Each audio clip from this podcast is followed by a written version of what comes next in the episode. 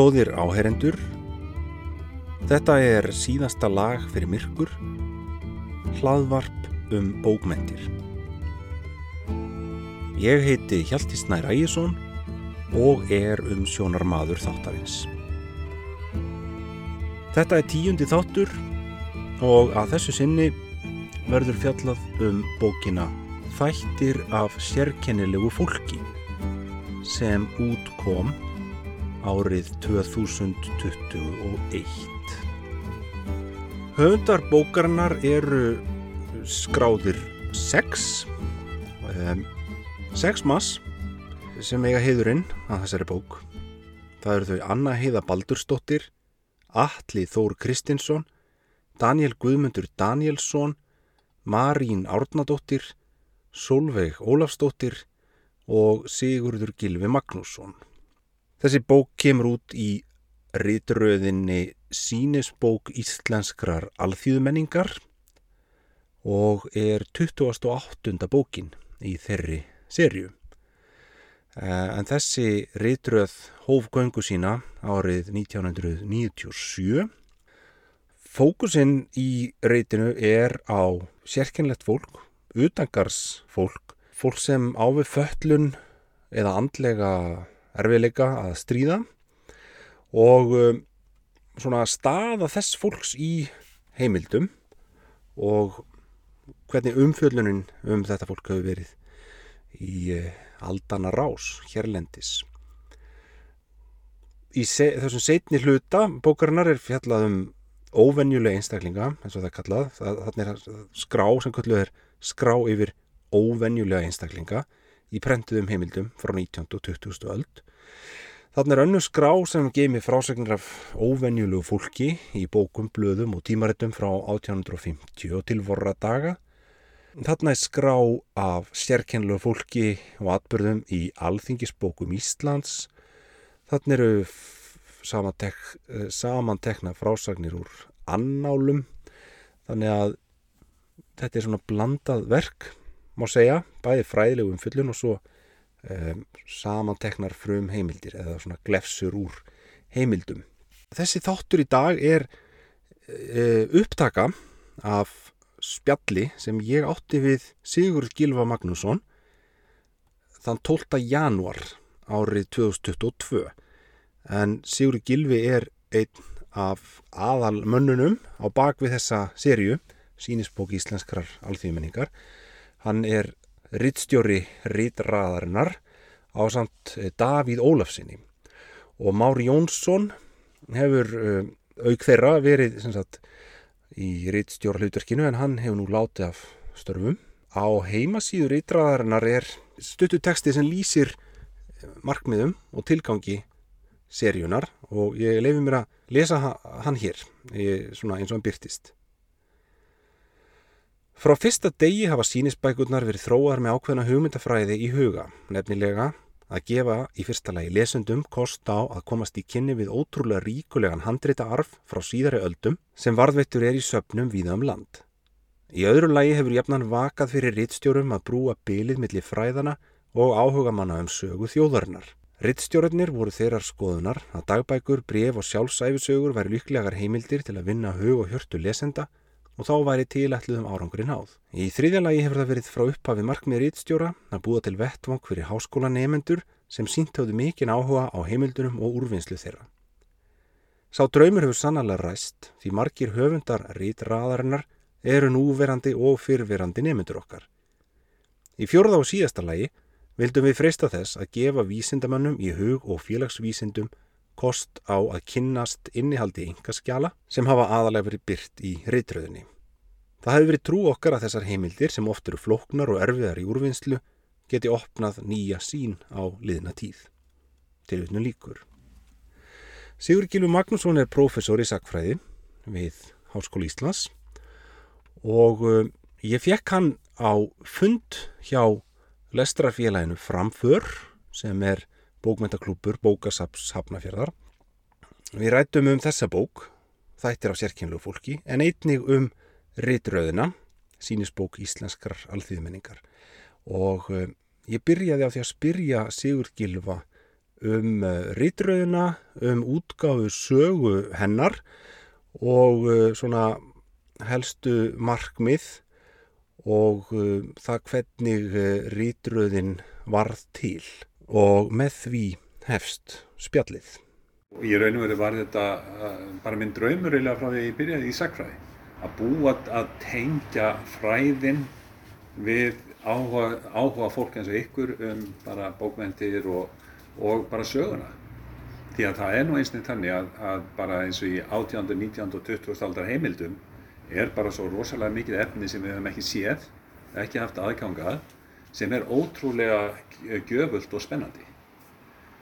Ég, sagt, uh, þegar ég kom frá námi 1994, ég var búinn að vera í tæp 10 ár í bandaríkjánum, þá uh, lagði ég leiðminnanir í handréttadeild sem er uh, hér handréttadeild þá, niður í landsbókasafni og þar var fyrir gammal skólabróðu minn, Kári Bjarnason, handréttavörður, sem núna býr í Vestmanniðum og sér um safnið þar og hann leiti mig í allan salningan um bara hvað handréttasafni hefði upp á að bjóða. Þetta eru 15.000 handritsnúmer og það sem einkennir handritadildinu er að þetta er efni frá einstaklingum. Þetta er ekki sem sagt ofinberar heimildir, heldur einhver efni sem eh, einstaklingar hafi búið til, dagbækur, brefasöfn, eh, alls konar bara skrif einstaklinga í gegnum aldurnar. Og ég hafði áhuga á að, að koma svona nær, hvað maður segja, leikendum á sviði sögunar. Ég hafði skrifað dóttarsvíkjarð um alltíðu menningu og notaði langsamlega mest sjálfsæfisögur í, í því samvæti. Og mér langaði til þess að koma svolítið nær eh, tímónum, þessum tíma sem ég var að fjalla um. Og ég vissi að, að það var heilmikið af, af því sem eh, kallast handskrifuð sveitablöð. Eh, þau sem sagt hófu göngu sína mörg hver, svona kannski kringum 1870 og þetta var svona hluti af ungmennafélagsreiningunni, sveitirna voru að vakna og þau svona hendur svolítið eftir eh, eh, landsmálablöðun nema hvað að þarna beintist sjónin að bara efnum sem skiptum fólkið máli sem eh, átt í hlut. Og, og ég byrja að lesa. Og þarna eru ótrúlega áhugaverðar heimildir um bara frásagnir af fólki um það sem brann á þeim í þessum handskrifu sveitablöðum og yfirleitt voru þetta kannski svona tíu bæir sem höfðu saminast um hvert blað. Þau voru látið ganga, það kostiði kannski tíu öðra að lesa hvert blað og heimilin lásið þetta náttúrulega á kvöldvögun og mjög kærkomið efni mjög viða og á einhverjum tímabúndi þá tók ég eftir að voru mörg sveitablöðin sem voru mjög vel uh, skrifuð og mjög vel úr, úr gardi gerð og eitt af því var uh, sveitablaði Gestur sem var gefið út í Strandasíslu Kirkjubólsreppi og þar var reitt stjóri Haldur Nokkur Jónsson.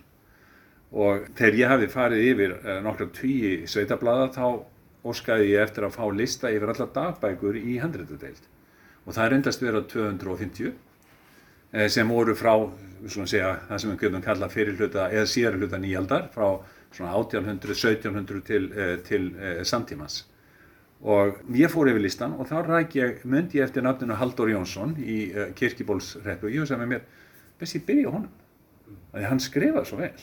Að því það skiptir málið og alltaf fara að lesa dagbækur að geta lesið skriftina. Og það er eins og við mannin mælt að það kemur 24 ár eh, sem dagbækur Haldós eh, sem eh, var alveg upp á Tindi í Kirkibórsreppi og eh, var setna kentu við miðdalsgröf í sömu sveit og ég er ekki búin að lesa lengi í dagbókum eh, Haldós þegar að það kemur í ljós að Nilli bróðir eins og hann kallaði, Níels Jónsson var líka að halda dagbók. Og þeir voru tveir bræður í sömu sveit á sama bæ. Og ég hugsaði með mér, já þetta er spennandi. Að geta borið saman hvernig þeir sjá lífið og tilveruna sem þess að tveir bræður að, að horfa á sömu hlutina. Og þannig blasti við með 40 ára dagbókaskrif hvorki meirinni minna ótrúleg elja og uh, Haldur átti eftir að safna mikið af ljóðum, hann bjóð til 15 ljóða uh, uh, bækur sem að hverja hátt í 500 blassíður og þá sapnaði hann að sér bæði prentuðu og óprentuðum ljóðum í, svona í kringum, í kringu sig og skrifaði þau upp og þetta var látið ganga síðan í sveitinni. Já, nema hvað að þegar að ég skrifaði síðan bók sem heitir Mentun, Ást og Sorg og fjallaði um raunverulega líf þessara bræðra og sem sagt mentunar þráð þeirra sorgina sem umvaði líf þeirra og svo ástina sem uh, kveiknaði þarna þegar, að, þegar að kom fram á fullorðins árin. Því að þegar ég var að byrja að lesa uh, uh, dagbæku Níelsar þá kom ég ljósa hann var ástfanginn og hann hefði skrifað upp bríf til ástina sinnar. Þannig að ég kallaði Kára Bjarnason vinn minn og segir áttur nokkuð þessi ástabrjaf Níelsar. Og hann kemur með svona freyju konfettkassa sem hafði til þess að gera ný, ný verið skila sér inn á safnið. Og þar voru semst 22, uh, 22 ástarbref og á svona örkum. Og myndskritt, stórkostlegar myndir. Og Níels var alltaf að skrifa þetta Guðrúnu Bjarnadóttur á Gjögri sem var heimasettan á Gjögri og maður alltaf að draga aðtegleinar að myndskreitingunni og afsaka hvaða væru fáfenglegar. En í rauninu voru það voru alveg stórkostlegar. Og þetta var náttúrulega mjög sterk tjáning ástarinnar. En nema hvað, þegar að sagt, þessu, uh, þegar ég lauk við þessari bók þetta var bara í april 1997 þá segir við Kára nú langar mér til að láta gamlan draum rætast og gefa út uh, sínisotn úr þessum heimildum og hann bara uh, hétt mér liðveislu og við byrjum að, að, sagt, að taka þessama bók sem verður bókin, fyrsta bókin í þessari reytröð sem heitir Bræður af ströndum. Og ég sótt um styrki og, og hann var skemmtileg sagja í kringu það að, að þegar við, bókin var tilbúin eh, þá eh, segir við Kára hva, hvernig hefum við að kosta þetta? Og hann segir, já, hefum við ekki bara skrifað landsmákom og ég segir, nei, það er nú það fyrsta sem öllum dettur í hug en hann sest niður og skrifa bréf og lýsir hér ungur fræðimæður sem er að byrja með nýja ritröð og da da da da og uh, ég lappa með þetta niður í skrifstofu bankastjórið sem það var Sverrir Hermansson mm.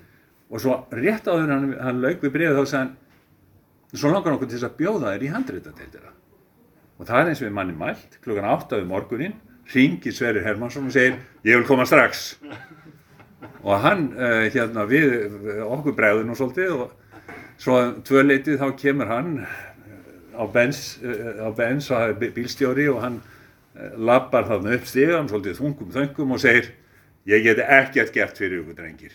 En mér langar þess að sjá þessa heimildir. Svo förum við niður í kvelvinguna mjög, mjög vel að þessu eh, hérna, efni búið. Og Kári setur á sjóið.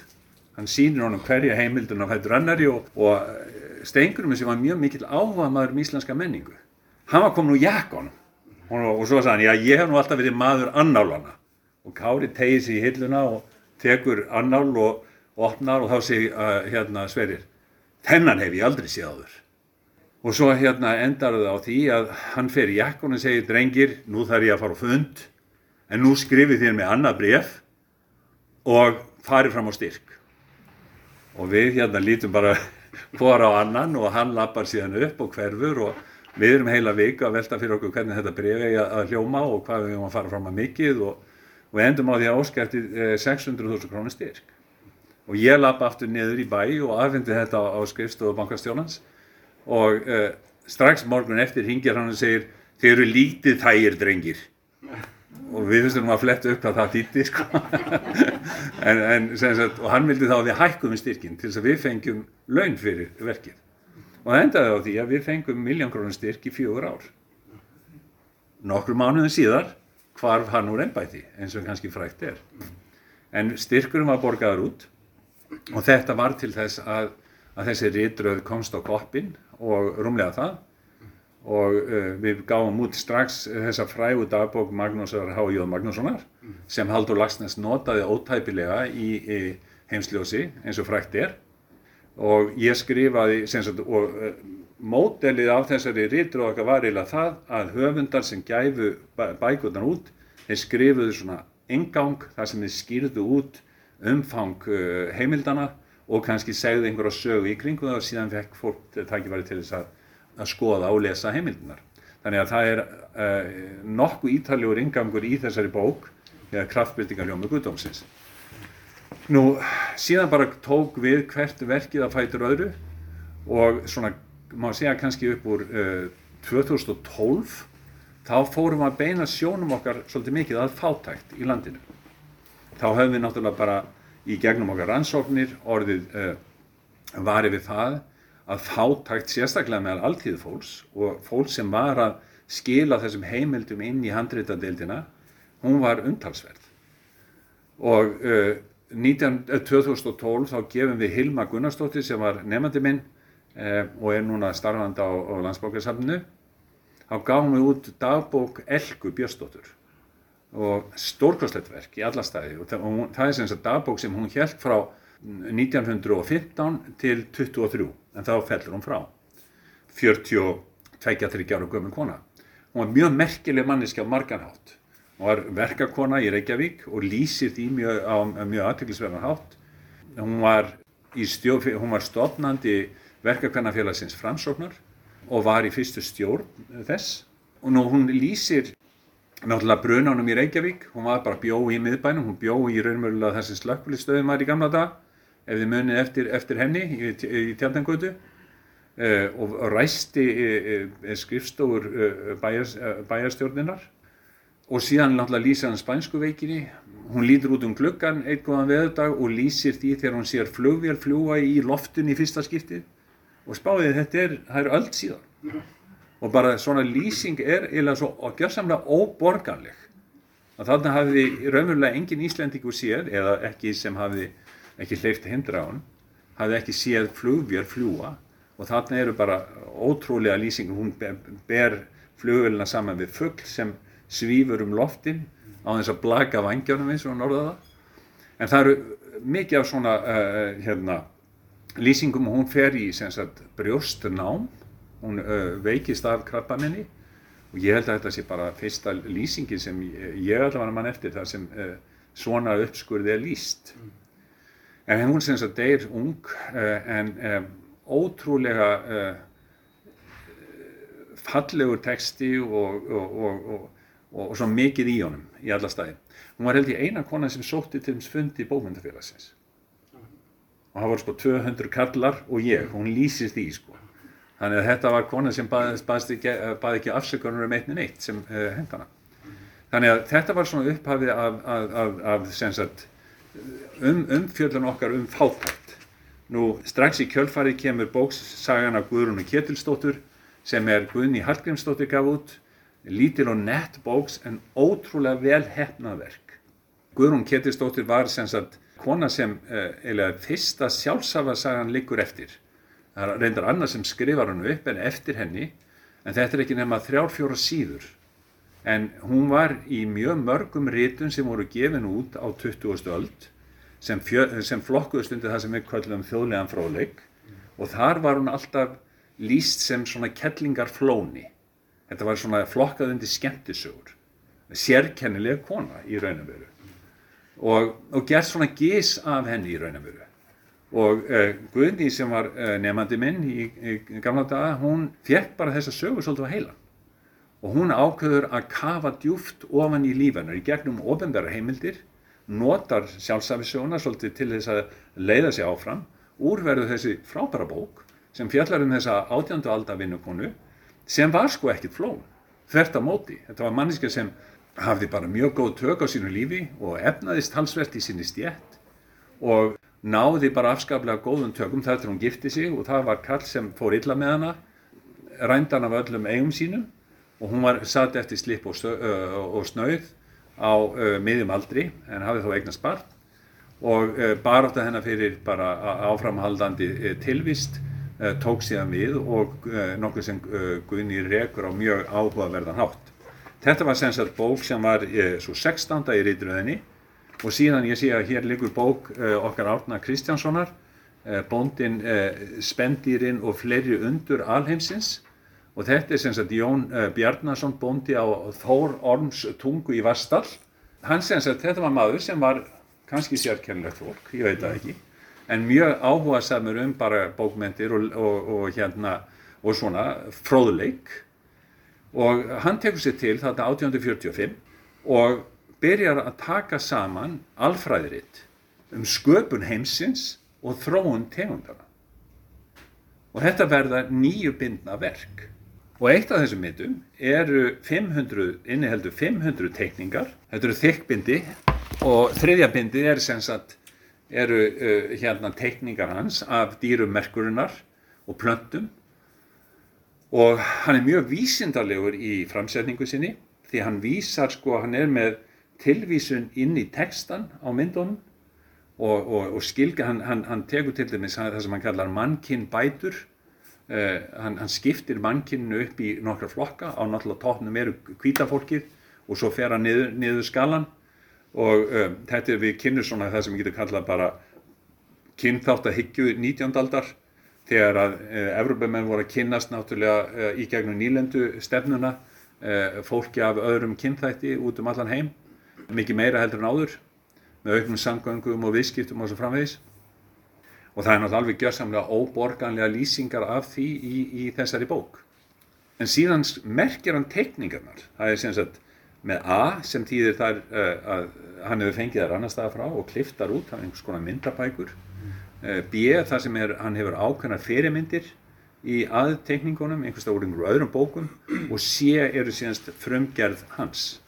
Þannig hann er mjög, uh, sko, hann er trúr höfunda höfðtækinu sem er svolítið óvinnilegt og þetta blandast jáfnveg saman á sömu mynd. Það er kannski ein manneskja sem er greinilega teiknuð hún sjálfum. Já, og við hliðin á henni stendur önnur manneskja sem er teiknuð eftir já, já. mynd í bók Já, já, já, það, og þetta er, þetta er óvinnulegt sko.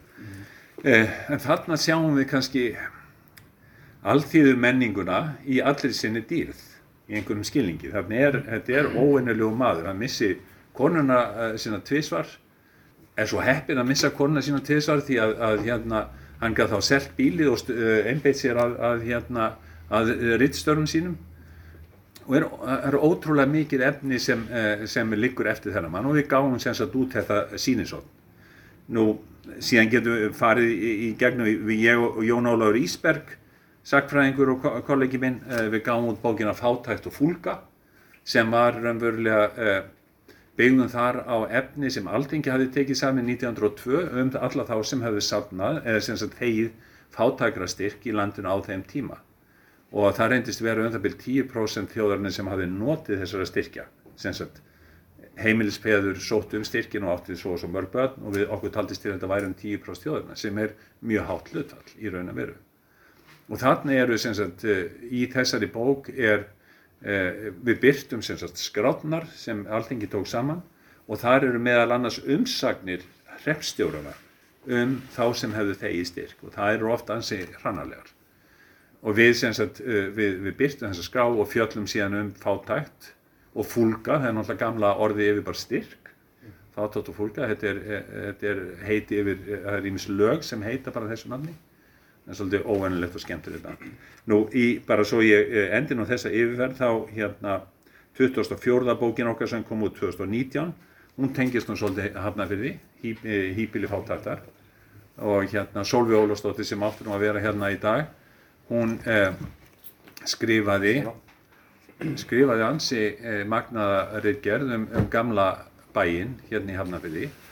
Og það er náttúrulega mjög sláandi í raun og veru hvað eh, fólk bjó þröngt víða, hvað fátat fólk bjó þröngt. Og hún fjallar svolítið mikið um það, hún notar mynd sem eh, hérna til þess að, að fjalla um þetta. Og eh, síðan erum ég fjalla svolítið um fátakt í, í hérna sveitarsamfélaginu uh, Sólveig með Hafnarfjörð og svo Finnur Jónasson sem var nefnandi minn líka hann uh, fjallaði um, um fátakra nefndina í Reykjavík og störf hennar og það voru 35.000 mann sem, uh, sem hefðu á, á, tæmlega 40 ára tímabili sem komu þar við sögu. Þannig að, að við höfum svona gert tilraun til þess að, að fjalla um það sem við getum kallað menningu eða ómenningu fátæktar manni hefur fundist í samtíma umræðinni fólk tala um fátækt eins og hann hafi verið fundin upp í gær. Að við séum bara að uppgöta eitthvað sem þú veist hafi, er sér bara til þess að gera nýtt í íslensku samfélagi. En ég er smekur um að, að, að í- íslenskir valdsmenn hafi reknað með því að það væri alltaf svo svo stór hluti þjóðarna sem væri fátækir. Og repparnir sem er náttúrulega elsta stofnun landsins í raun og veru þeirra skilgreinda hlutverk var að deila út fátækra styrkjum og bændurnir sem þurfti að greiða skatt í fátækra hjálpina þeir voru náttúrulega mjög treyir í taumi. En þetta var samt sem áður kerfi, stuðnískerfi til þess að tryggja að enginn færi raunverulega að vonar völ Eh, nú eins og hérna Hjalti bendi á, þá er uh, þessi bók hérna í, í svona góðu uh, samhengi við verkið, uh, verkið hans Jóns Jónssonar á mörgum mennskunar. Jón er þar að tala um flakkara. Flakkarar er hluti af fræga fólkin á 19. öld í öllum sjálfsæfisögum sem eru sem eru skrifaður af fólki sem er fætt á, á 19. öld og ég vil á fyrir hluta 20. aldar er alltaf talað um flakkarna. Það eru ákveðna típur sem eru náttúrulega mjög þekktir sem flökkuðu en okkur var lengi sagt í sagfræði, í sagfræðinni að flakk hefði verið bannað og það er vissulega rétt. En hins vegar notuðu yfirvöld flakk og það er kannski það sem er svolítið nýtt og óvennilegt hjá Jóni. Hann drefur fram að flakk var notað af yfirvöldum. Fólk var sendt í betliferðir staðan fyrir að gefa heimil, eh, eh, hérna leysa heimilinu upp. Þá var fólki gef, gefið kostur á að betla fyrir veturinn og það var sendt bara á stað eh, ef það komst í, í, í nöyður. Þannig að, og auðvitað komu þannig ár að það fiskaðist ekkert eða bara sömari bara kom aldrei eh, og uppskeru brestur að þá náttúrulega var þessi hópur afskafla viðkvæmur og það kann verið hagstæðra fyrir reppana að menn deildu svona eh, kjöru með þessu fólki með þessum hætti að, það, að fólk gæfi þeim eitthvað einhvern forða fyrir viðturinn staðan fyrir að leysa heimilinu upp. En auðvitað var það líka ákveðin hérna eh, ákveðin laust því að, að þarna fjekk sem sagt fengur sveitirnar eða bændurnir mjög ódýrt vinnaafl þegar þið tóku að sér sagt börn, kannski stálpu börn sem eh, voru hluti af, af vinnaafli sveitana. Þannig að eh, þessi bók hérna, hún er tengist verkefni sem ég hef farið fyrir og heitir eða eiginlega tveimu verkefni sem ég hef verið hluti af, rannsóknarverkefnum sem eru stutt af rannsóknaráði Íslands eða rannís og kvöldu. Eh, það er annars vegar, eh, þetta eru öndvegisverkefni sem því að þetta eru starri verkefni heldur en svona gengur og gerist. Eh, annað heitir Heimsins Noss og fjallar um veraldleg gæði Íslandinga á 18., 19. og fram á 20. öld Það vil hann nefnilega þannig til að Mári Jónsson, kollegi minn og vinnur, professor í sakfræði, hann hefur verið á undanförnum 5-6-7 árum að grafa upp heimild sem var svo sem þekkt en var algjörlega ónótuð og er varfitt í þjóðskjálasafn Íslands hérna uppi, upp á lögvei e, þar sem mjölkustöðum var hérna í gamla dag.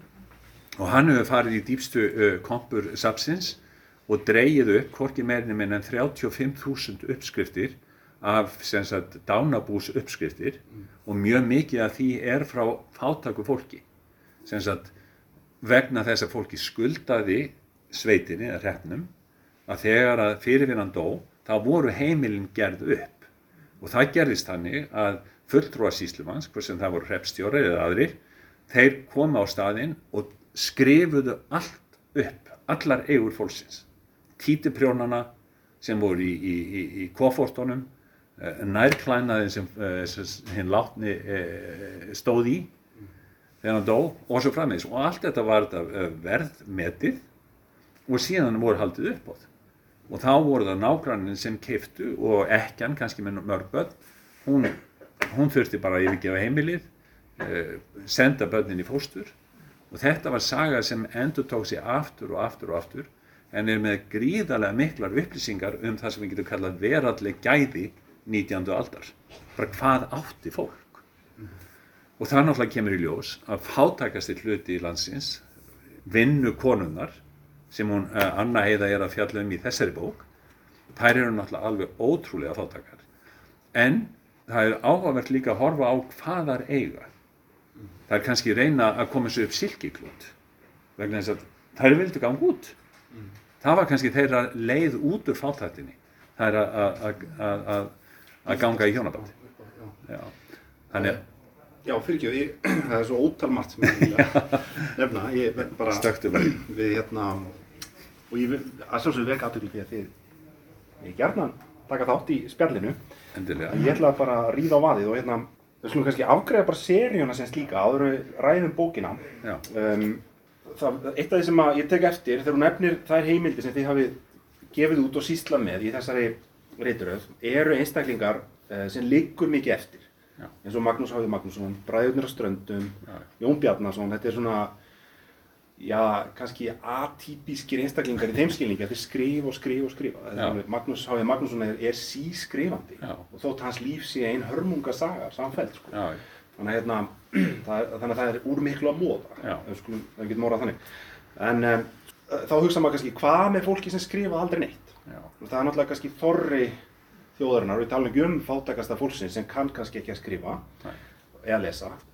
Það er náttúrulega, það verður strax ákveðin skekkja ef maður horfir bara á það sem eru skrifandi. já, Og þá kemur til skjæluna þessi aðferð sem að til dæmis Solveig notar í Já. sinni doktorsritgerð og fleiri, um, sem er að sko plæja sér í gegnum alveg ótrúlega fjölda heimta já, sem eru margskonar, það eru það eru manntöl, það eru kirkjubækur, ímsir heimildaflokkar og spotta sömu manneskjuna aftur og aftur á ýmsum æfiskeiðum. Fylgja henni eftir bara. Se, já, setja saman æfisögum já, og, og þannig er þetta að fá svona heilda mynd jafnvel af já, bara áratugum, Já. heilu, heilu mannsæfi já, og ég meina það er náttúrulega það sem hún uh, Guðni Hallgrímsdóttir gerir. Já, Þar ertu náttúrulega með heimild, grunnheimildin eru bara þrjár, fjóra síður já, já. í handriti. Og svo, veist- svo hliður hún ofan á það. Já, hún, hún bara, það er náttúrulega mjög dramatísk saga og því að hún var mjög orðfödd, Guðrún Ketilsdóttir, leti engan eiga neitt inni hjá sér og lísti karlinu sínum á mjög, til dæmis þessin sem fór illa með hana, á mjög svona uh, krassandi hátt. Já. Hún var nánast sko klúr, eins og se- segir í, í, í kynningum á, á sögunni í, hérna, í þjóðlegum fróðleik sem var gefin út á 20. öld.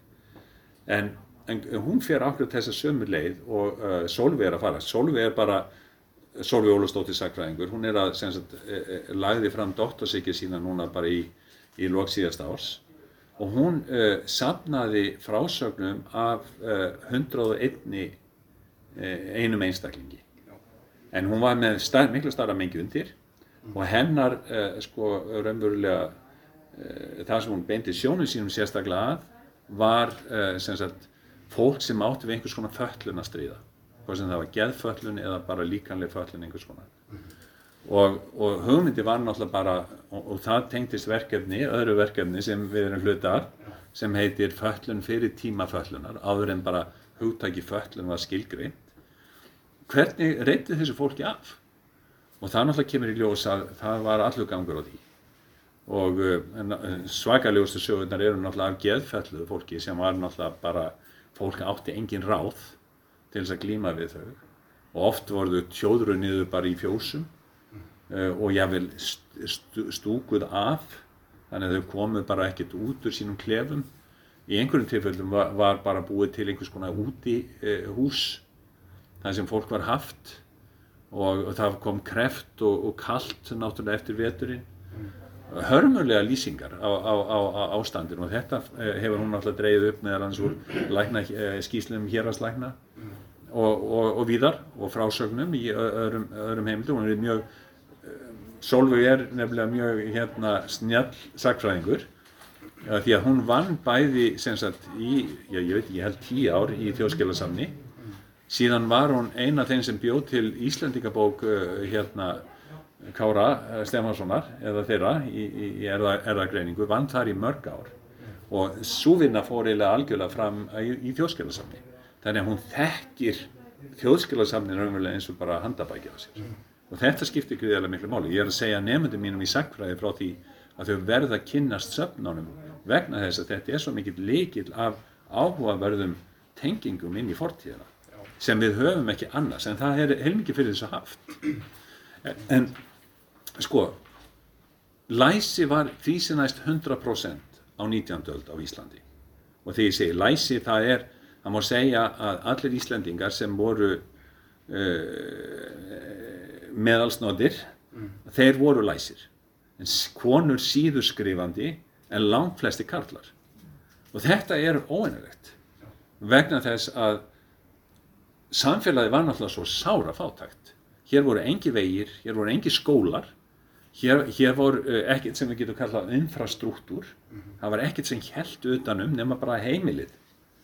Og ég held í fram í þessari bók sem ég nefndi á það, þetta mentun ást og sorg að samspilið á milli sorgarinnar og mentunar hafi verið stert og það hafði ítt fólki til þess að ná tökum á þessu stórkostlega fyrirbæri sem læsi er. Til þess að geta sögt sér voni í Íslandíkasöguna sem voru að ganga í sveitunum í uppskriftum og glemt þannig sorginu og kvestaslífinu sem var þjakandi. Þannig að, að þetta var svona eins og þeirra leið til þess að bara þreja þorran á góðuna en til þess að geta gert það þá þurftur að, að vera læs. Þannig að það er eiginlega með ólíkindum hvað fólk náði fljótt tökum á læsi á 19. áld og svo náttúrulega þegar að pappirinn og pennin verður á viðræðanlegu verði þá er eins og þessi bara tekinn tappi úr og það bara það streymir frá fólki og það er ótrúlegu fjöldi fólk sem er að tjá sig hvað sem það gerir það sko í dagbókum eða bref, sko, brefa sendingar á 19. Sko, 19. öldin er öld brefsins. Mm -hmm. Þeir hafa voru allir að skrifa bref og það eru miljónir brefa til í handréttadelt. En auðvitað eru náttúrulega stæðstu söfnin eftir kallanast eh, hérna, landsins útvöld við sinni. Já, já. Það er nú einn bókin sem heitir það hjá okkur. Skólapiltanir. Já, skólapiltanir við laðaskóla.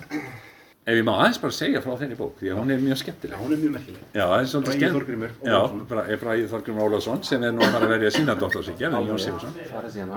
Já, hann skrifaði hjá mér uh, björrigerð um sko uh, hugmyndir 19. aldamanna. Það var svona mjög svolítið vitt svið.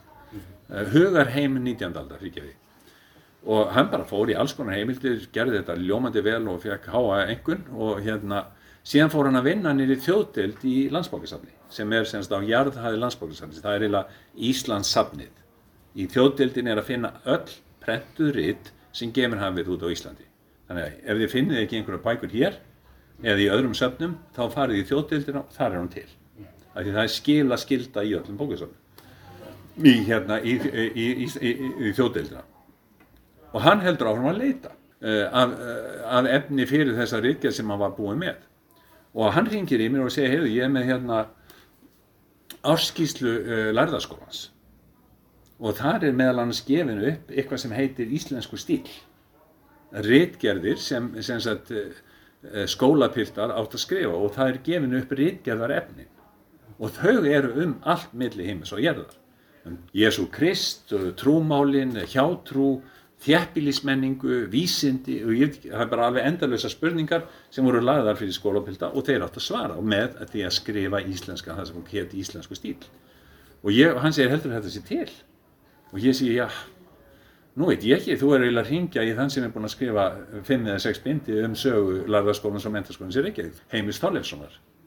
Og hann tekur upp síman og ringir í heimi og hérna nei, fyrir ekki, ég, ég vís honum nefnilega niður á, á rektor mentarskólans og hún vísur honum á heimi.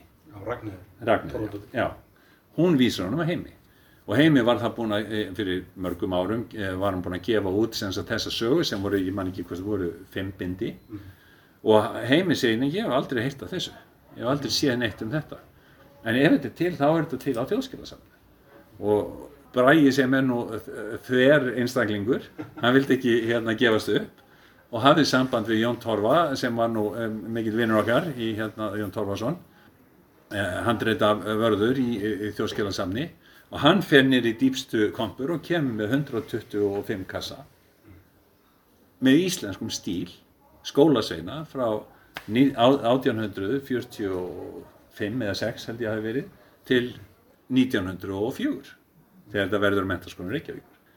Og þarna bara opnast alveg nýr heimur og hann sem sagt býr til þessa bók og hún er skemmtileg þessi saga vegna þess að þarna mæta svolítið nýji og gamli tímin í sagfræði heimi sem hafi skrifað sína bók sem svona bara hefðbundi sagfræðingur hún hafði ekki dottið í hug að velta fyrir sér hvað finnst skólasvinn hann sagði skólasöguna út frá kennurunum, út frá námsbókunum út frá byggingasögunni fjölda nefnenda en hann dætt aldrei í huga að spyrja uh, hérna, einstaklingarna sjálfa sem voru í skólunum. Þetta tókst uh, Braga í, á mjög skemmtilegan hátt í þessari bók. Það sem á geta það er, það er framhald á þessari sögu því að nú er búið að skrifa doktorsrítgerð um þessar heimildir Já. en í málfræði Já. Heimir Freyr Viðarsson heitir hann Já, málfræðingur sem, sem að er að skoða þessa stíla sem Bragi var með Já, hvað er? Og svo frá málsög og málfrón. Og er, er hann búið með ríkjarni eða? Já, hann er búin að ganga frá því. Hún er ekki verið gefin út. Nei, hann búin að verja það? Já.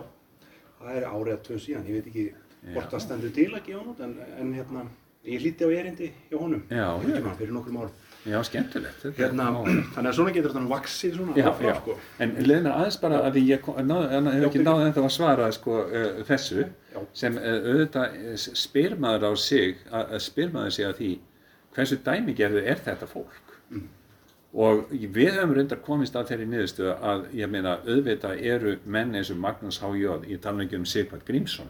Já, sem Davíð Ólafsson, uh, kollegi minn og meðriðstjóri, hann, hann, hann skrifaði doktorsíkjar frá St. Andrews um Sigvard Grímsson. Og Sigvardur held aðbók í hvorki meirinn í 67 ár.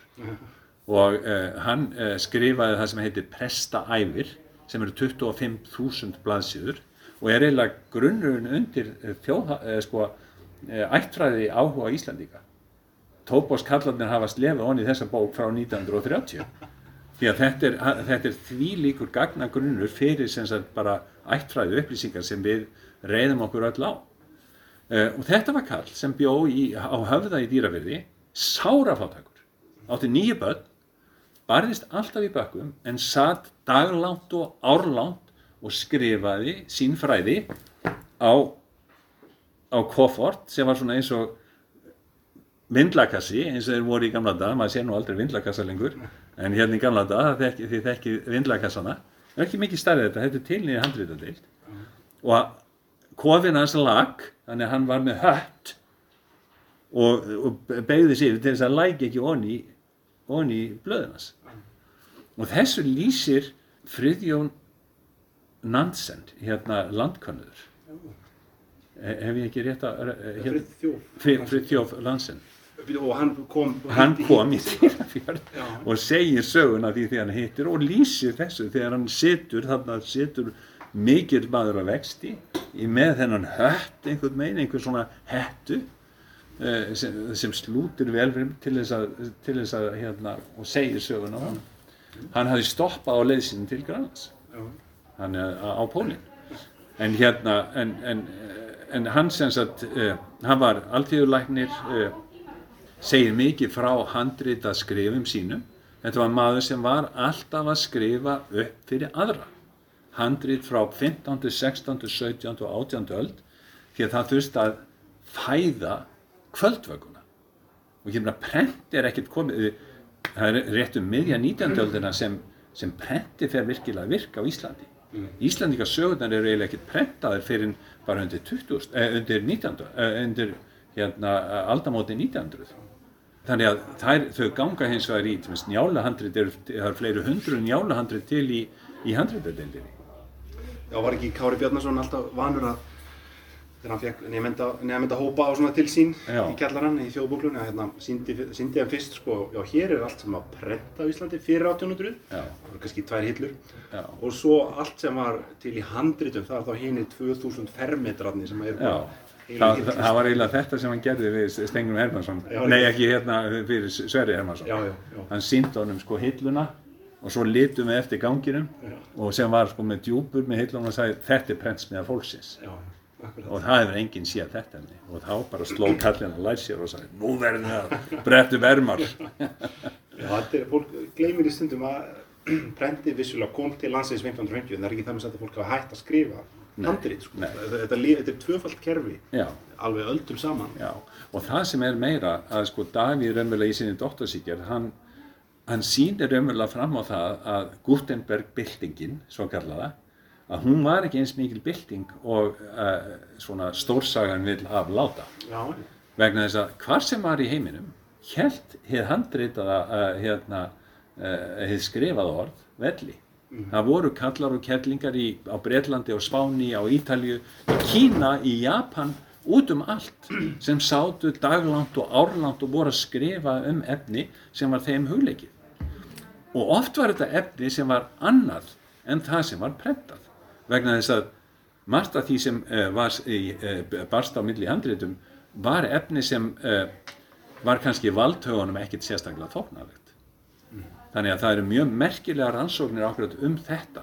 Og Davíð dróð þetta fram í löngum ingangskabla fyrir dóttarsekið sína sem hefur nú komið út svona í einhverju formi. Og við gáum út svona, við skrifum bók fyrir á ensku sem heitir Minor Knowledge minni hátta þekking sem er náttúrulega meiri hátta þekking, þetta er svona írónístu nafn í raun og veru og fjallar um handrita menningu hér á Íslandi og annar staðar og hvaða þýðingu hún hefur haft. Og okkar niðurstað er umverulega svo að auðvitað eru einhverji tindar í þessari sögu, þessi sem við kallum berfættu sakræðingarnir, þessi kallar sem bara undir sér ekki kvíldar, en það var rosalega mikið af fólki sem sótti í efnið þeirra og hafði ánægið annars að lesa eða skrifa það sjálft upp og láta það þannig ganga. Það tingaði sér í einhverjum skilningi. Hérna, Mér langar að þess að hérna, nefna við þig sko einsöguna Já. sem er nú svona þitt svið. Einsaga er, er hugdag og sagfæra sem er notað um já, þessa aðferð að, sem þú hefur verið að lýsa, að taka svona þröndsjónarhótt, velja einn einstakling já. sem er þá representatífur fyrir heildina eða fyrir tíðarandan, fyrir ákveð tímabil í stað þess að reyna að ná yfir einhvern veginn heildina, já. að segja söguna svona út frá stökum heimildum, stökum einstaklingum. Um, við hér höfum stundum verið að fást við uh, sögulega skáldsúr og þær eru kannski ekkert ósvipar. Það er að segja að þetta er, eru gjarnan sögur um einstaklinga Já. sem eru á einhverju staðsettir eða tímasettir í einhverju, einhverju sögulegu samlingi og svona, ég meina 20. aldar mótilið af sögulegu skáldsóni sem er kannski George Lukács og þetta, það sem Halldór Lagsnes beiti síðan í Íslandsklökunni sem er að velja svona lítilmagnan eins og Jón Hreggviðsson er til dæmis uh, sem einhvern veginn tengist uh, svona stórum viðbörðum og þetta gerir Tolstói í Stríð og friði. Þetta eru sagt, sögur um meiri háttar sögulega viðbörði Já. en frá sjónarhóli hins smáa myndur segja einsagan og, og sögulega skáldsvan er þetta svipað svona einhverja eðlis svona tenging hann á milli? Já, já, alveg, og ég menna að ég veit að sömur uh, uh, söm skáld hafa nýtt sér einsöguna svolítið, bara markvist já. Og með þetta nú kannski einna helst í hug Einar, Einar, Einar Már Guðmundsson í hérna þeim þrýleiknum sínum fótspor á himni og, já, hérna Já, þar notur hann dagbækur eða svona heimildir. Já, hann er með sögu sem, sem er, held ég er nú bara úr hans fjölskyldu. Já. Og, og hann, ég, ég bara vissi að hann var, hann var að spá mikið í einsöguna. Það sem einsögumenn segja, þegar að sko, hefðbunni sagfræðinga segja, já, hvað er að marka þetta sem þú, þú ert að gera? Þú ert að taka einhverja kalla sem eru mjög sérkennilegir, þú veist, er, segja þeir okkur eitthvað um samfélagið? Og svar einsögumanna, ekki bara uh, mitt heldur allra, er raunverulega að með því að fá tækifæri til að skoða einn einstakling og gjörðir hans, hans eða hennar, af eins mikilvæg nákvæmni og við getum, þá er þessi einstaklingur alltaf í einhverju samengi við samfélagi hann er alltaf í einhverju samtali við samfélagi kringu sig. Við sjáum hvernig samfélagi bregst við, við þegar að Magnús, uh, H.J. Magnússon er sagaður um nöðgun ég meina hann er dæmdur fyrir nöðgun hann setur inni, þetta er dagbók fanga í Reykjavík í heilt ár ég meina sem er algjörlega einstök þannig kemur dæmdur badna nöðgari til e, e, í, á, í, á skólavörðurholtið nei á hérna á, á skólavörðustíg í fangelsi betrunarhúsið á skólavörðustíg. Og hvað gerir e, yfir fangavörðurinn hann fær hann til þess að kenna börnum sínum að lesa og skrifa. Og hann verður bara kampakátur vinnur yfirfangavarðarins og svo þegar að fangarnir týnast í burtu hver á fætur öðrum á þessum ári þá sendur það þeim vísum til móðu þeirra og, og hérna fjölskyldu og, og hveður þá með hérna laungum brögum þetta er náttúrulega ómetanleg heimilt en ég fjalla svolítið um þetta í, í þessari bók og svo aftur nýri bók sem er kom út núna 2000 og já, kannar var það? 2019 held ég, eða 20 sem heitir, eh, sem fjallar umverulega um tilfinningarlíf Magnús Hájóð. Hún heitir Emotional Experience and Microhistory og, og eh, leiðin sem ég fer til þess að fjalla um svona viðkvæmt mál og til þess að, að fá einhverja merkingu sem er ekki með nútíma viðmiði eins og við fjallum með þessa mál mm. heldur skoða hvernig hann talaði um hitt kynið. Og það var nóga því. Frásögnum það sem hann er að að, að segja frá mönnum sem gerðu svipað á hann sjálfur. Þannig að, að hérna, það var svona ein leiðin til þess að, að, e, sko, að setja tennan einstakling í ákveðið félagslegt samengi og sjá hvernig samfélagi talaði til hans og hvernig hann talaði til þess. Þannig að þegar að gaggrinni kemur á einsuguna sem er svona með áherslu á því þrönga svið, við getum orðað þannig, hvort sem það er einstaklingur eða bara, ég meina ég er að vinna þarna með hugtaki eins og ást og, og sorg og, og, og mentun. Uh, ég er ekki að segja æfisögu þess að manna, ég er að, er að reyna að velta fyrir mig hvernig samspilir á milli þessara þryggja hugtaka í þessari bók sem ég nefndi hérna á það að þá er hérna, þá, þá gefur þeirra saga mér, að því hún er skrásett og hún likur fyrir, þá gefur hún mér færa á að velta fyrir mig hvernig samfélagið er umvel að fungera því, hvernig það brást við mönnum á þessari gerð og náttúrulega sérstaklega ef þið stig, eh, hérna, eh, gerðu sér segum með einhvern glæp, eins og Magnús gerði.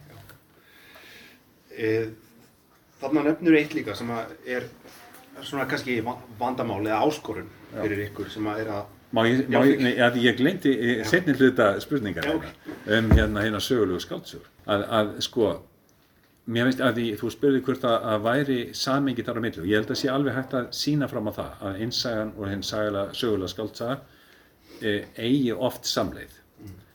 En mér hefur oft fundist ef ég á að gaggrýna hérna sögulegu skáldsögu að menn kannski ákveða að skrifa sögu um átjöndöldina staðsetja hann í átjöndöld þá taka þér fyrsta yfirlitsrit um átjöndöldina og lesa það. Og síðan staðsetja þér persóna inn í þessu yfirlitsriti. Það er ein mjög góð undatækning á þessu, það er Pétur Gunnarsson.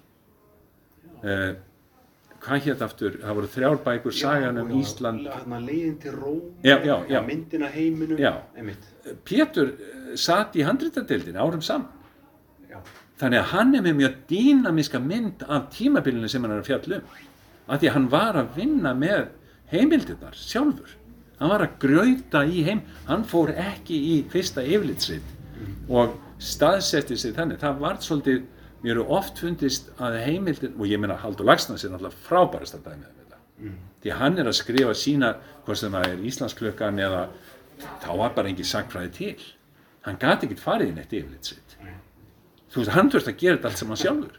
Og ég meina við þekkjum bókina hann rætur Íslandsklökunar það sem hann Eiríkur, ja. verkfræðingur Jónsson, hann bara þræði sig eftir sögutræðinum og síni fram á hvar, hvar hann hafi borið niður. Og það er með ólíkindum hvað kallin fór víða. Þannig að ég hef oft sagt að, að sko Lagsnes er kannski einn merkilegasti sagfræðingur 20. aldar.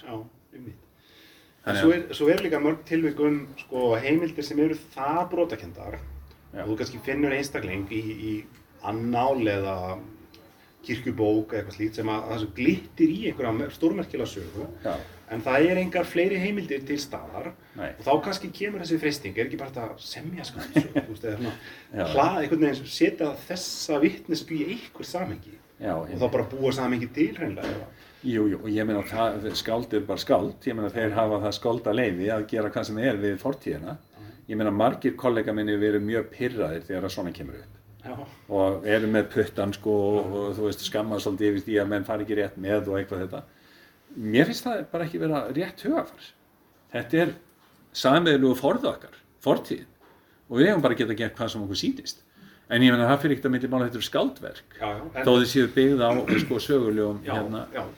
Þú hefur sjálfur skrifað bók sem er svona á þessum, þessu gráa svæði Já. sem er bókin Snöggi blettir þar sem þú ert svona með einmitt sérkennlegt fólk svona utangars fólk Já, já. og þú spinnur sögur þess fólks í bland við svona huglæðingar frá sjálfu þér þannig að þetta er dæmi og eins og líka kannski þessari það mæ- mætti nefna hér eru teikningar. Það eru hérna, nefndur í myndlistaskóla Reykjavíkur sem að uh, myndskreita bókina. Ja, þetta er reyndar, Já, Daniel Guðmundur Danielsson sem bjóð til hann að, já var þetta ekki bara kúrs í myndlistaskóla? jú, hann, ja, hann kom að, að eh, sem sagt námskeiði. Og afhendi þeim mannlýsingar sem hann að, hafði Já. grafið upp þarna í, Já, í sko, bæði annálum og svo aftur í alþingisbókunum. Uh, af því ef þú þurft að lýsa eftir manni þá þurftu bara að lýsa hann það voru ekki til einar myndir eða, Þannig að- að teikningar eru gerða eftir þessa lýsingu. já, þannig, að það var, það var, og það voru, það voru við erum þarna með mann ekki 20 teikningar? Já. og það eru þessi fleiri sem voru gerðar í námskinu og, og hann fór síðan með þessa síningu bara ringin ykkur yngur landið, það var svolítið magnað sko. Já, og alls það. slón í gegn, þetta var uh, mjög skemmtilega tekningar. Þetta er þá dæmi, og bæð þetta og líka snöggiblettir og stígrið, þá dæmi um svona kannski nýstárlega meðferð Já, já. til að sína fram á það sem þetta gera fleira við þessar heimildar heldur en bara að gefa þér út. Já, heldur betur. Og ég meina, ég náttúrulega, þessi bók mín kom út uh, 2005 minni með hún að verið snaggiblettir, þetta er sem sagt ég var að vinda með uh, myndaalbum Afamís sem var uh, játsmiður og kaupmaður í Reykjavík. Og svona taldist kannski til betri borgara þegar á leið. Uh, hann var með fyrirtæki sem hétt Helgi Magnússon Company sem var neyri Hafnastræti Hafnastræti 19 og hann, hann svona var seitamaður kom um tvítu til Reykjavíkur og ég myndi mér að þetta hefði verið hans svona tenging við sveitina. Hann sapnaði sem sagt myndum af flökkurum. Og hann var með myndaalbum niður í hérna, Herbyggi við hliðin á kynntiklefunum þar sem hann kynnti upp húsið, bankastætti 7, það sem við byggum, fjórskildan. Og þá uh, dró hann stundum til sín kalla, gaf þeim konjastöp og þeir flettu þessu albumi og skoðuðu þessa myndir og sögðu sögur af þessu mönnum sko. Var þetta myndir sem hann tók sjálf? Nei, nei, nei. sem hann bara sapnaði. Já, ég skil, já og svo sem sagt þegar hann fjall frá 1956 þá sem sagt tók fæði minn eh, hérna eh, þetta album Já. og bjargaði eins og hann sagði þannig að hérna og, og hann hann þótti náttúrulega bara væntum föðu sinn og, og vildi vissi að þetta var hann, hann svolítið mikið vægt sko, mm. svolítið heilagt album og svo þegar ég byrjaði í sagfræðin á nýjenda áratögnum þá kom hann til mín og sagði heyrðu, er, er þetta eitthvað sem þú getur gert? Og ég mér fannst það náttúrulega bara alveg fáranlegt sko, þetta var á þeim tíma þegar sagfræðin var að verða alveg vísindi og var að harda hlaupum frá svona skilur. Já, frá svona nefndóbus en síðan uh, uh, setna sem sagt þá þegar að, uh, bara ég kom heim og annað þá, þetta var alltaf á borðinni á mér en, og, og það hækkaði alltaf í bunkanum þessi, þetta albúm og ég hugsaði alltaf já ég get gert eitthvað við þetta. Og síðan eh, sko ég rammaði þá bók raunverulega, ég setja hann í form sjálfsæfisögunar þótt að sé ekki sjálfsæfisaga og ég rammaði hann inn með þremur brefum brefið sem frá afa mínu til föðu mín sem var í námi í Berlín bara rétt fyrir stríð 1938 brefið sem fæði minn skrifa mér og svo brefið sem ég skrifa til framtíðarinnar. En þetta er allt saman uppspörnin bref og svo var fólk að koma til mig kollega minn og segja mikið rosalega var það gott brefi sem aðeins skrifaði pappa og ég var svona já en það var allt saman byggt á, á svona uh, mullum heimildum úr fjölskyldinni skiljið þannig að hvað er sagfræð er náttúrulega bara spurningi sem ég var að spurja sagfræðin er sviðsetning. Hvort sem við erum skáld eða sagfræðingar þá erum við að nota heimildir en við notum það á mismöndi hátt og þetta svæði, þetta bila þegar skemmtilegt þú skulle nefna eh, sko nefna hérna eh, sögulegu skáldsögu vegna þess að ég held að bili þarna milli hafi minkað alveg gríðarlega mikið mm. að því það eru fleiri og fleiri sakfræðingar sem eru farin að sætta sig við það að þeir eru ekki að segja draga fram söguna eins og hún var heldur eru þeir að sviðsitja einhvern skilning og samanskapið held ég að mig líka segja að þessu sögulega skálsagan hérlendis standi mun sterkar heldur en við annars heldur betur. Þannig að þetta er kannski svona Já. að vera að brúa hérna eitthvað bíl Já. ég ætla að vikja talinu að bókinni.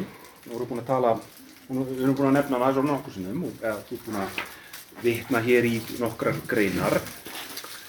Eh, þú sjálfur skrifar grein sem er ingangsgrein eða fyrsta greinin í bókinni sem heitir Hvar er fríkin að finna? Leitin, leitin eða merkingu lífsins. Já. Og það er, hún er svona úr svolítið annari átt heldur en hinnar og þess að þar ert þú að lýsa e, svona hinn á alþjóðlega samhengi. Já.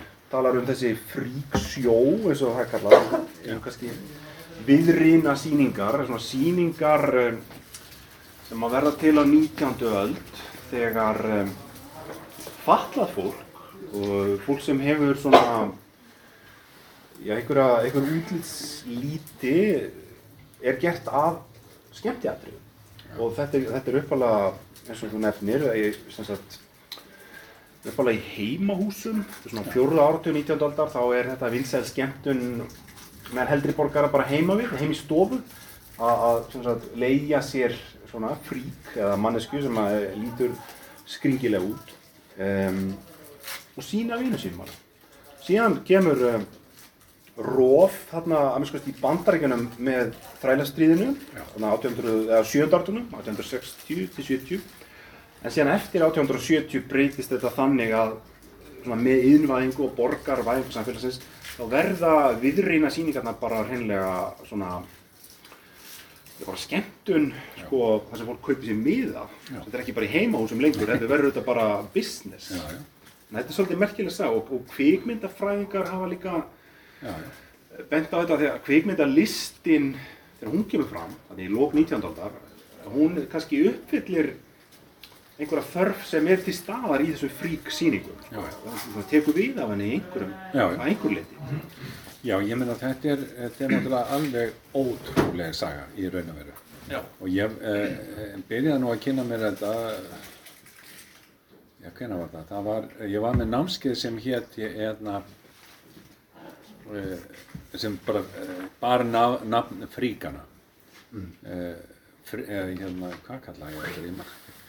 Eh, fríkvísindi eða eitthvað svo, man, en eh, námskeið sem eh, ég svona, eh, rann svolítið blind í sjóin með. Ég var ekki alveg búinn að ákveða á það þegar ég eh, hérna, kom því á dasgrá hvað ég ætla að gera og svo tók við mjög skemmtileg skemmtileg tímanbili þar sem ég var að lesa mig til um ákveða þetta fyrirbæri sem var náttúrulega bara mjög þekkt til dæmis í bandaríkjánum og sko með eh, innvæðingunni þá bara náttúrulega flikkist múurinn, líðurinn, hinn landlausi líður, flikkist til uh, þjættbílisins, bara eins og við erum að tala um hér í Reykjavík eða Hafnarfirði, fólk sem var náttúrulega mjög fátækt fólk og það þurfti að skemmta því. Það er bara skemmta, skemmtana yðnaðurinn verður til. Og þetta fólk sem var fallað, það sér sem leik á borði að, að taka þátt í þessum sýningum að því það fekk þá uh, hérna einhver atvinnu. Og þetta voru náttúrulega risin, þetta, ég menna Jóhann Risi, hann næri skottið á þessu, Jóhann Svartalingur, það er önnur íslen, íslensk kona sem var hérna Ólöf Eskimói, hún var að vísa svolítið ó- óvenjulega að því leiti að hún, uh, hún var dvergur sem sagt og hún uh, flutti fyrirlestra, hún bara sem sagt kynnti sig sem Eskimóa. Og hún Inga Dóra Björnsdóttir uh, skrifaði, uh, mér fannst mjög merkilega bók um sögu þessara konu. Og hún sem sagt tekur á sig bara annað gerfi raunverulega. Og vekur gríðarlega miklu aðtík, sko, flytur þúsundir fyrirlestra um bara Kanada og í Bandaríkjánum sem vekja miklu aðtíkli. En uh, frík, frík síningarnar njóta gríðarlega mikil af vinsalda og það er svona hluti af líka bara mannfræði áhuga heimsins. Þannig eru nýlendu, uh, nýlendu kapplöpið að byrja og menn að átta sig á uh, kynþáttunum og ólíkum kynþáttum.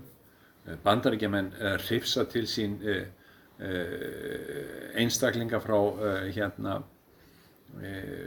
frá bara myrkrustu uh, uh, löndum Afríku. Flytja það og setja það sko í, dýragarðin í Brooklyn. Bara í, í byrjun uh, 20. aldar, ég man ekki hvað hann var kallaður sá. Eitthvað það var sko The Missing Link eða eitthvað svolítið sem týndi hlekkurinn. Og, og það var náttúrulega bara allt vittlust eins og ég getur rétt ímyndað ykkur. Og Berkeley háskóli hann var með uh, Azteka, uh, týnda Azteka mannin og, og hann, hann var hluti af svona fríksjói og ég sko í nafni mannfræði deildar Berkeley háskóla Já, bara vísindi. Ví- þarna voru bara vísindir að, að, að verki.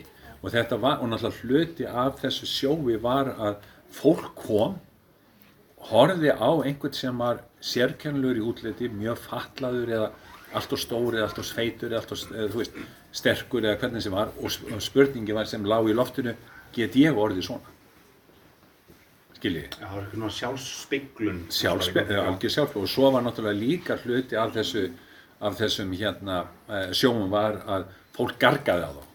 Og þau svörðu tilbaka þannig að þetta var svona, var svona stuð á, á þessum sjóum en síðan gerist það náttúrulega bara heimstyrjaldarnir breyta ansi miklu þá er þegar að uh, örkumla hermenn koma tilbaka og svo náttúrulega bara breytt viðhorf til þessara uh, til þessa uh, hérna hóps.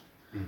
en í bandaríkjum var eitthvað sem til dæmis hétt The Ugly Laws það var, var hægt að útiloka fólk frá ofinberu hérna að vinna eða, eða vera ofinberlega af því að það væri ofljótt og það var gripið til þessara sko, laga í kringu 1970 og ég segi svo, það er frægur bíómynda sem mann ekki alveg hvað heitir akkurat í sipin sem var gerð akkurat um þetta það var svona spastísku maður sem var á kaffihúsi og uh, uh, var einhvern megin létt bara að hann var gladur og, og réði illa við reyfingar sínar mm. og, og, hún, og það kemur sem sagt kona sem var að, að afgreða þá kemur og segir hérna þið verðið að hafa hljótt og segir þið eru ljótustu einstaklingar sem ég nokkert tíma séð á æfuminni ringir á lögurinn og þeir eru fjarlægir. En, en allavegna eh, En já, þú, öskumla herrmenn já, já, já. menn sem kom að fatla tilbaka já, stríðinu. það var náttúrulega ekki hægt að gera grína þeim.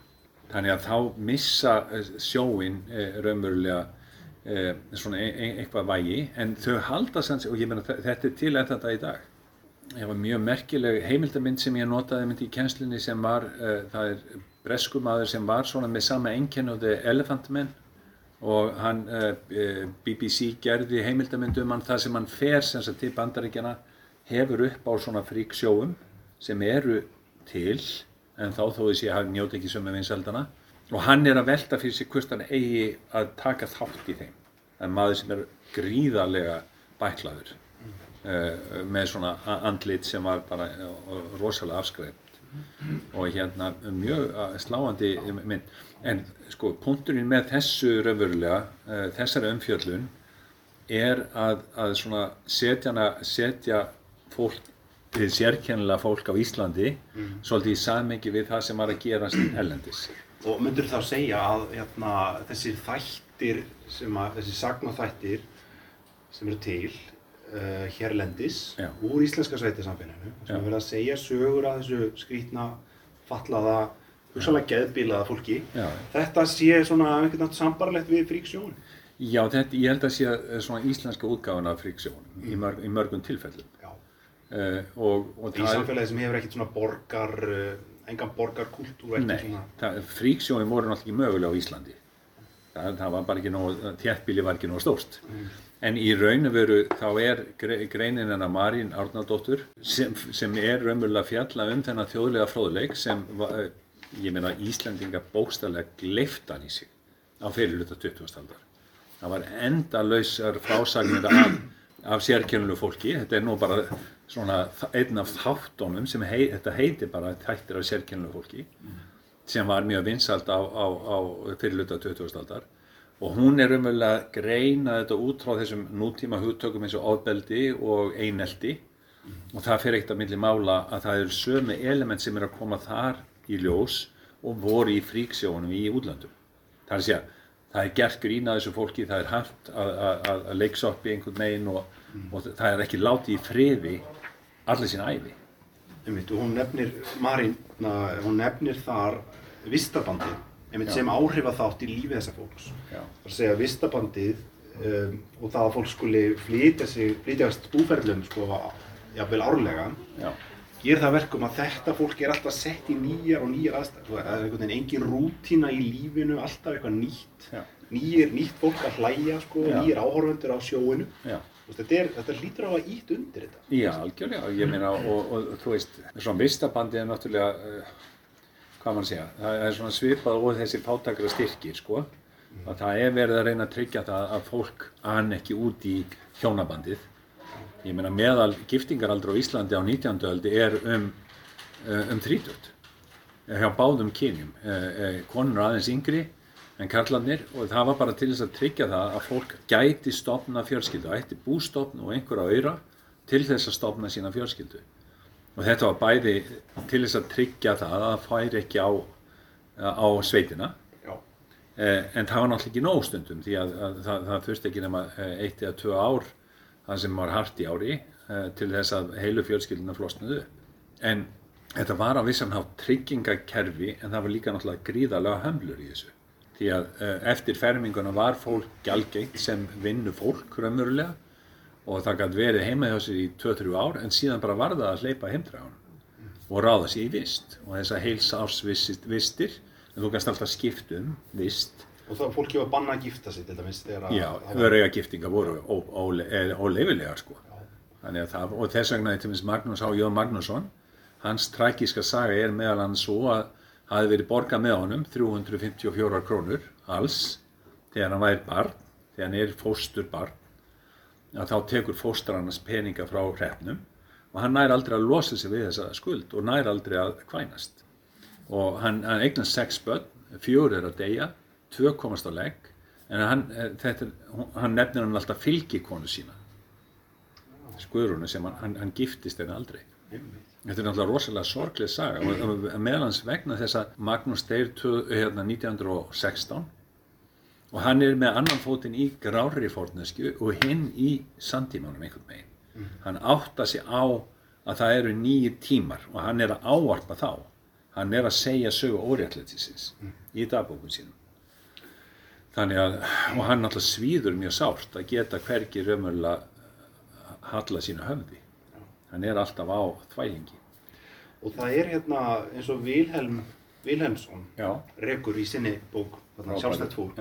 Þetta er eh, alltaf 30% þjóðarinnar vinnuhjú. Þetta er ótrúlega hátt hlutar. Já, jável meira sko, því að Guðmundur Jónsson, professor í Sakræði, hann skrifaði B.R.I.G. 1980 og var það eitt eða eitthvað svo leiðis mm. og það hafði aldrei verið skrifað um vinnuhjó.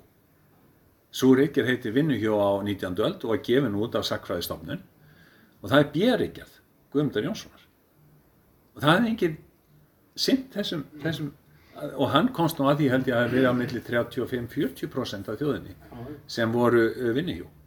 Þessi, þessi hópur fer stækandi eftir að fólksfjölgunni, það eru 19. öldin er tími góðæris frá 1820 eða eitthvað svo leiðis og svona framöndur 1880 og þá er gríðilega mikil fólksfjölgun og þá það, það reynir mikið á byggðirnar og eins og Bjartur í sumarhúsum, hann fer upp í óbyggðir, fólk fer ofar og ofar í byggðina og svo þegar að hörða, hörða árin koma þá náttúrulega hregst þessa fólk aftur niður í byggðir og það eru náttúrulega sífælt stærri hópur fólks sem kemst aldrei út úr hjúa stöðinni.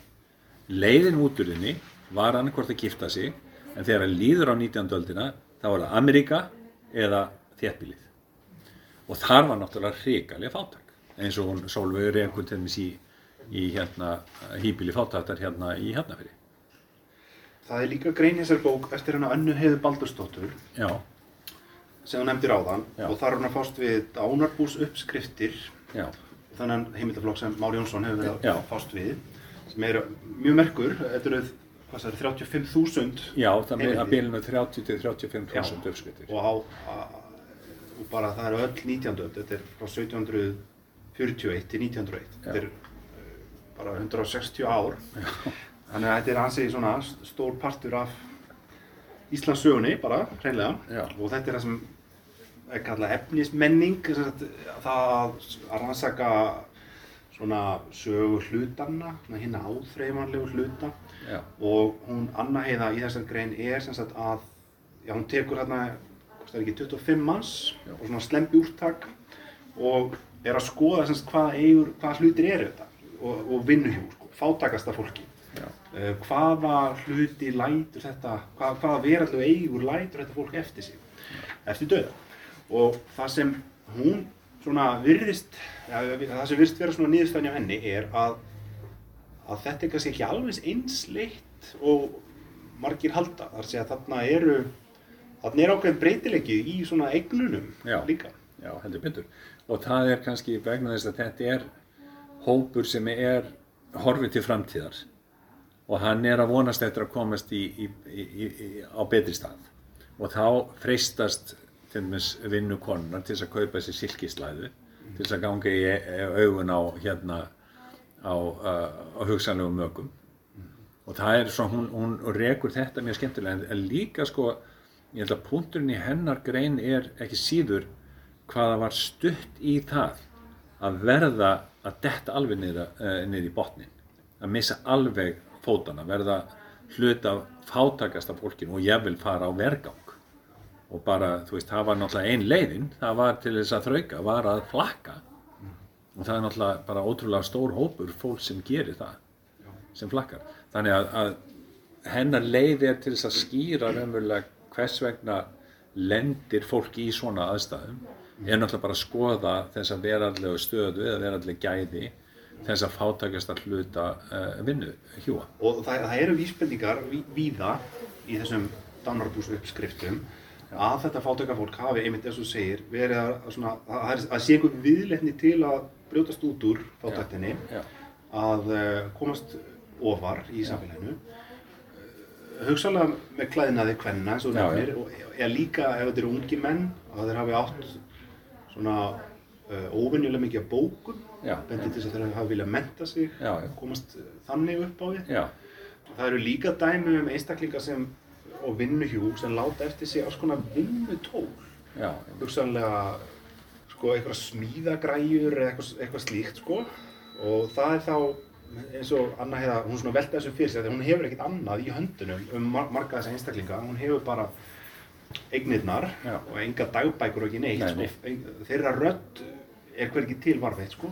en það, þá þarf sakfræðingurinn svona að velta fyrir sér sko, kannski var þetta þá einstaklingu sem hafði unnið áður sem handelsmaður og var svona frekar nýlega komin í þessa stöðu Já. til dæmis, eða vann í hjáverkum við eitthvað annað ímsi möguleika Já, já, og ég meina þetta þetta er nú eitt af því sem er mjög áhugavert í sambandi við 19. öldina. Við höfum oft talað um 19. öldina sem sko svona sjálfsturtar uh, samfélag sem þýðir raunverulega að hver, hver eining er bara sjálfum sér næg.